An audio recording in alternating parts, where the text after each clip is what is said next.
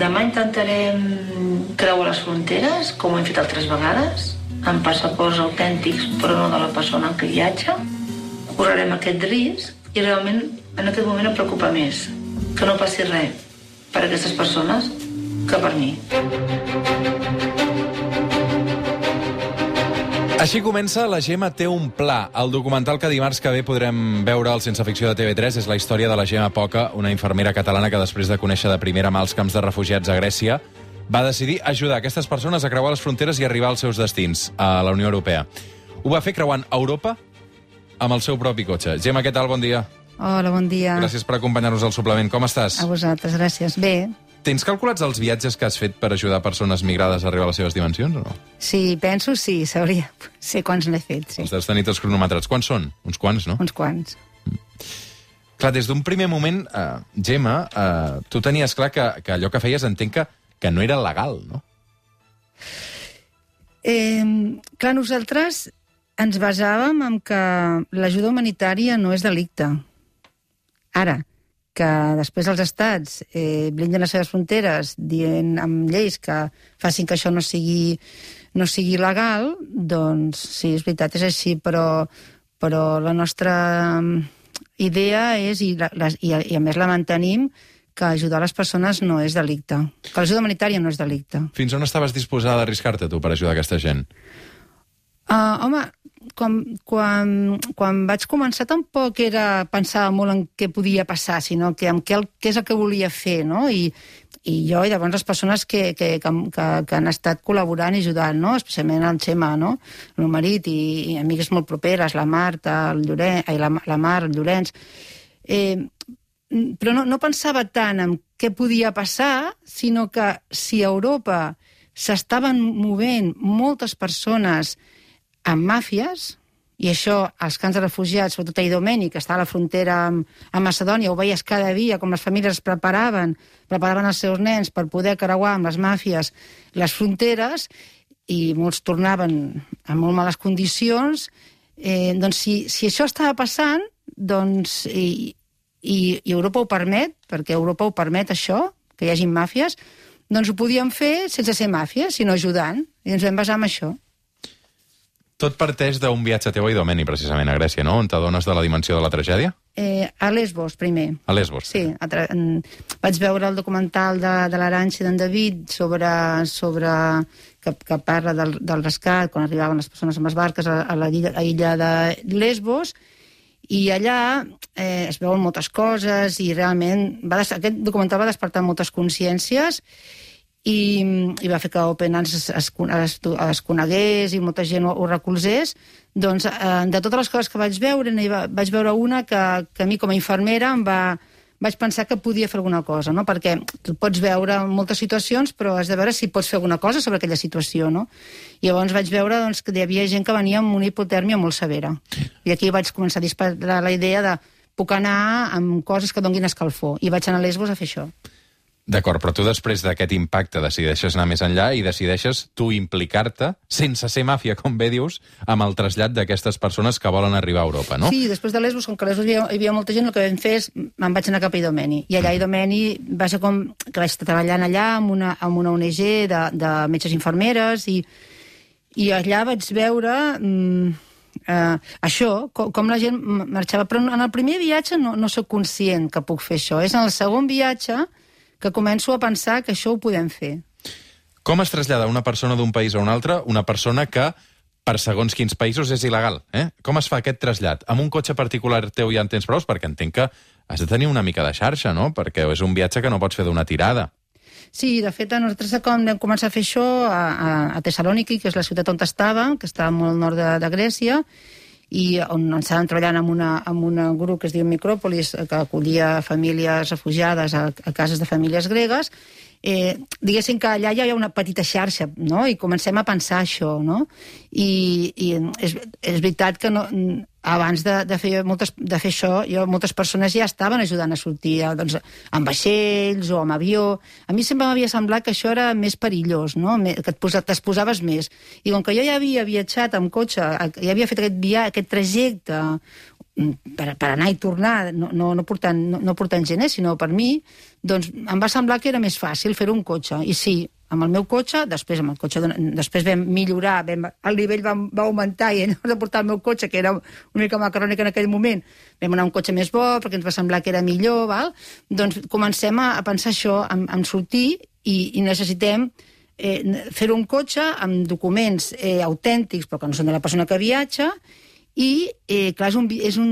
és a dir, tu proporcionaves un DNI que no era de la persona eh, que traslladaves, sí. un DNI espanyol, entenc, o, o de la Unió sí. Europea, sí, sí. A, a aquesta altra persona, a aquest uh, refugiat uh, Sí, del o- país o que família. fos, o família uh -huh. del país que fos, ja fos afganès, fos uh, Sí, grec, sirià, el, el que sí. fos, no? Sirià, el que... Sí, sí. I el, inclús, inclús, inclús, és que això es veu al documental, tampoc vull revelar tot el documental, que és molt, molt interessant, que maquilleu algunes d'aquestes persones perquè s'assemblin a la fotografia del DNI.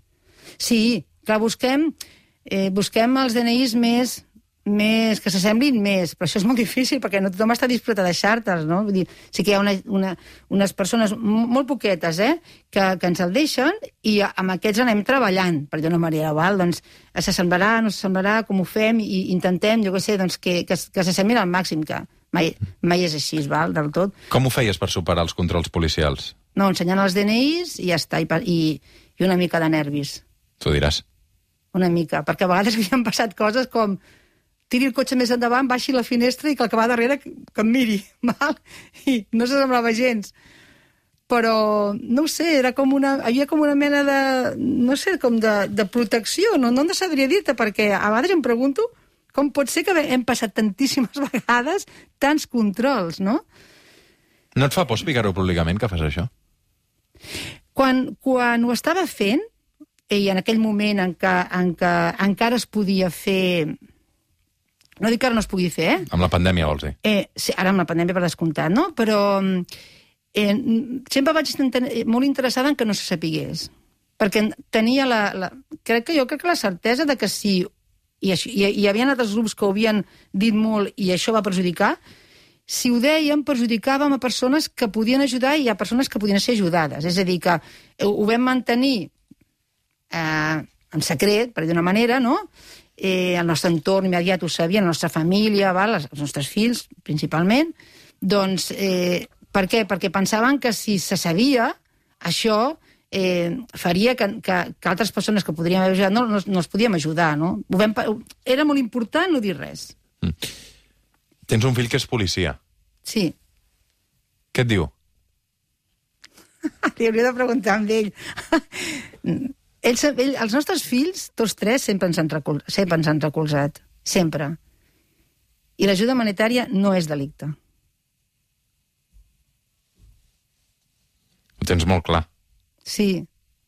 La, la, els estats europeus s'esforcen, i, molts, i molts molt durament, val? que estan criminalitzant les ONGs i gent que està ajudant. Val?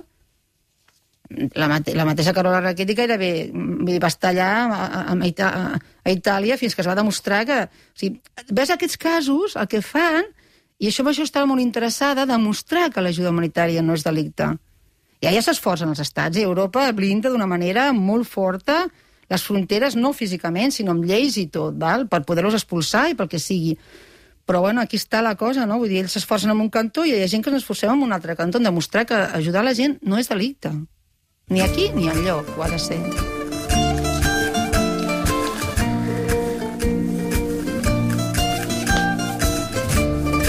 La Gemma Poc és la protagonista d'aquest documental, el Sense Ficció de TV3, que s'estrena dimarts. La Gemma té un pla.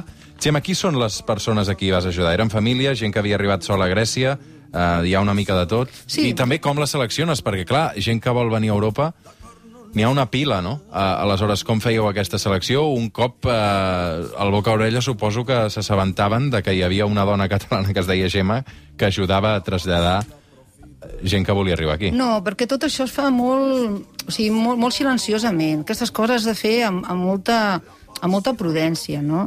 Eh, primer m'has- preguntat en, en qui, en qui Sí, qui són? no? Sí, qui Ah, són? no, les famílies, sí. Qui són aquestes famílies que, Hi, que hi has ha portat? famílies de pare, mare i fillets, val?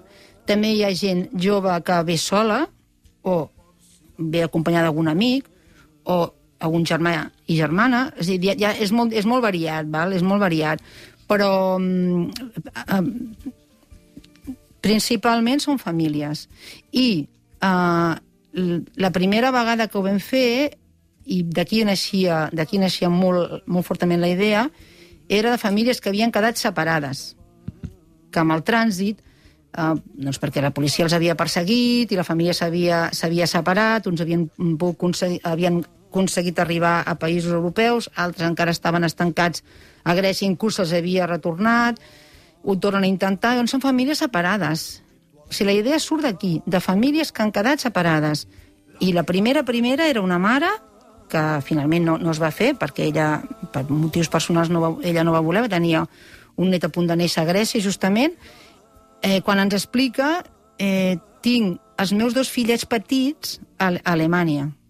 I fa, i fa doncs feia gairebé un any que no els veia. No? I quan ens ho va explicar, nosaltres ens hem trobat dintre d'una tenda d'aquestes amb un de refugiats per un altre motiu i una senyora ens va explicar això. I ens va explicar plorant. I aquí és, comencem a pensar què podem fer per aquestes persones? Que és veritat que hi ha gent que podia mm, sortir d'allà d'una altra manera, però hi havia gent que no i que estava, estaven separades les famílies. I això a mi, jo em vaig posar en el seu lloc, eh, que tinc tres fills, si m'hagués passat de petit, de, quan eren petits, que me'ls haguessin separat de mi, doncs en tenia el patiment d'aquella senyora, i, i a partir d'aquí comença.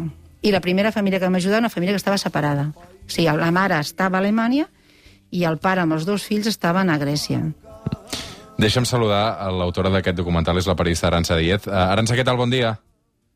Hola, bon dia. Com vas conèixer la història de la Gemma? Bueno, la, la, la Gemma em va, em va trucar l'estiu del, del 2016 eh, perquè buscaven un, algú que, que ells estan en un projecte a Tessalònica i buscaven una periodista, un periodista que els pogués ajudar a, a ensenyar el que estaven fent i, i bueno, finalment em, em vaig decidir anar a Tessalònica, allà la vaig conèixer, em va venir a recollir a l'aeroport, o sigui, érem dues catalanes coneixent-nos a Grècia, i l última nit de la meva estada allà vaig estar amb ells una setmana, em va explicar el seu pla, i llavors jo allà li vaig demanar que, que el volia documentar i em va dir que sí, i, i aquí és com, com va començar tot. Digues, Gemma. Hola, Aranxa. Hola. Hola, bonica. Mm -hmm. Ha estat fàcil gravar un documental com aquest? Home, no, no, gens. Perquè, clar, heu posat la càmera dins del cotxe dins d'aquest trajecte, eh? Sí, uh, bueno, la, la, no hem pogut, evidentment, fer-ho a tots els viatges, primer perquè al cotxe jo no hi cabia, no? Uh, I llavors uh, hi ha viatges en què la, el, el creuament de frontera no, no, no, no hi som, la càmera no hi és, i en algun, en algun creuament de frontera sí que vam aconseguir col·locar càmeres a dins del cotxe i poder, poder veure com és creuar una frontera i els, crec que, és, que queda molt ben reflectit quins, quina tensió es, es passa en, en aquest moment. No? Suposo que heu hagut de prendre també moltes precaucions no, a l'hora de rodar? Mm, en, no, en quin sentit? És que no. No. Precaucions... No, a, Home, sí, el tema... precaucions- eh, A l'hora de creuar fronteres, sí, sí. Sí, bueno, uh, clar, les precaucions és, evidentment, la càmera és una càmera molt petita, no? No, no, pots, no pots crear atenció, en algun moment es veu que la gent em demana que, que la baixi, no? Perquè, clar, qualsevol, qualsevol cosa que, que crida atenció en un moment així, doncs és, és, és no? penses que pot, pot, pot ser sospitós, no? Uh, clar, la, la principal precaució és que jo no puc anar dins d'aquest cotxe gravant, no? Quan, passes, quan vas arribar a la frontera has de, has de, no pots gravar obertament, és que no es pot fer això, no? no clar, és, és evident, és, és, era tot un repte, no? A nivell de... Per documentar això és un, és un repte, sí, sí. Uh -huh. Arança, uh, Arança, perdona, en Gemma, quant temps fa ara que no fas un viatge com aquest, amb la pandèmia i tot això? Gemma. Sí, no sé si estava pensant la resposta. uh, no, Mm, no, des de que, ens va, des de que va passar l'entrebanquet amb Sèrbia. Mm. Perquè a més el cotxe va quedar allà un any, i, més d'un any. Un any gairebé. Podem explicar què, què va passar a Sèrbia o, o ho deixem pel, pel documental? Ho deixem pel No, documental. sí. no, és que, bueno... Un titular, un titular, Aranxa. No, home, és molt fort. La, la, els, van, els van detenir i els van portar a la presó. O sigui que, que sí, s'ha de poder explicar, sí, sí. El que no explicarem és com acaba, però, Mm. però, o, bueno, com, que acaba bé, perquè tenim aquí està clar, no? Però vull dir que tot el que passa perquè acabi bé és el que no... El que, que convidem a, a veure en el documental, no? Però sí, sí, va ser, va ser un, un, un moment molt, molt, molt difícil, no? Molt difícil, molt difícil. Uh -huh. Uh, Gemma, hi tornaràs, suposo, no? Mira, és que és una miqueta... Jo soc infermera, va? I les infermeres el que fem és, eh, amb el que veiem al nostre entorn, i això ho relaciono amb la pregunta que m'has fet abans, que no he respost, per què unes persones sí i altres no, és perquè quan tu estàs en el teu, és igual el teu veïnat, no sé, la teva feina, amb els companys, amb els teus amics, o en el teu poble, la teva ciutat, el que tu tens a la vora, eh, les infermeres fem un, com un anàlisi de quines són les necessitats, no? Per exemple, jo, Domeni, s'havia havia de, podia fer moltíssimes coses, però jo que vaig veure, de les necessitats que jo podia fer alguna cosa és que els nens anaven terriblement brus, purets, no es podien rentar i corrien molt perill d'agafar malalties. Doncs vam, vam dissenyar, vaig, ho vaig fer jo, llavors molta gent s'hi va, va sumar, un lloc per, per rentar els, els nens. Què vull dir amb això? Que les mares rentaven els seus propis fills, donaven roba neteta i tot, i bueno, estaven sobreencantar les mares veient els seus fillets netets. Doncs que tu veus una, una necessitat i penses si pots fer alguna cosa sobre aquella necessitat. Val? Pots, pots actuar sobre allò. Si no pots, doncs no pots. Però si pots, doncs ho fas. No? Doncs és molt difícil dir si ho faré no ho faré. No sé què em trobaré a la vida. Si ara estic aquí i, i miro l'entorn, quines necessitats hi ha. Per exemple, com a infermera, doncs moltes, no? Doncs això, doncs no, no, no puc, no puc dir-ho si sí o si no. No és una cosa que dius que vull fer això. De fet, jo tampoc vaig anar a Grècia pensant és que jo vull anar a Grècia per fer... No, hi ha una necessitat, vaig a veure si la puc cobrir. Mm -hmm. La Gemma té un pla, un documental que veurem aquest dimarts al Sense Ficció de TV3. Gemma Poca, moltes, moltes gràcies.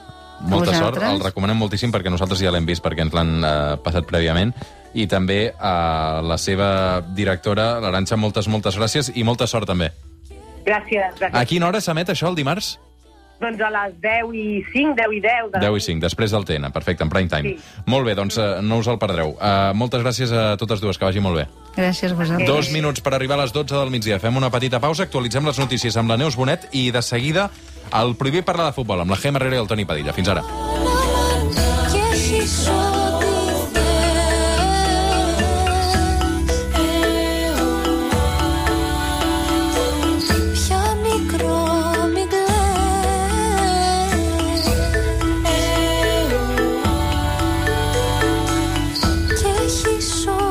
Suplement.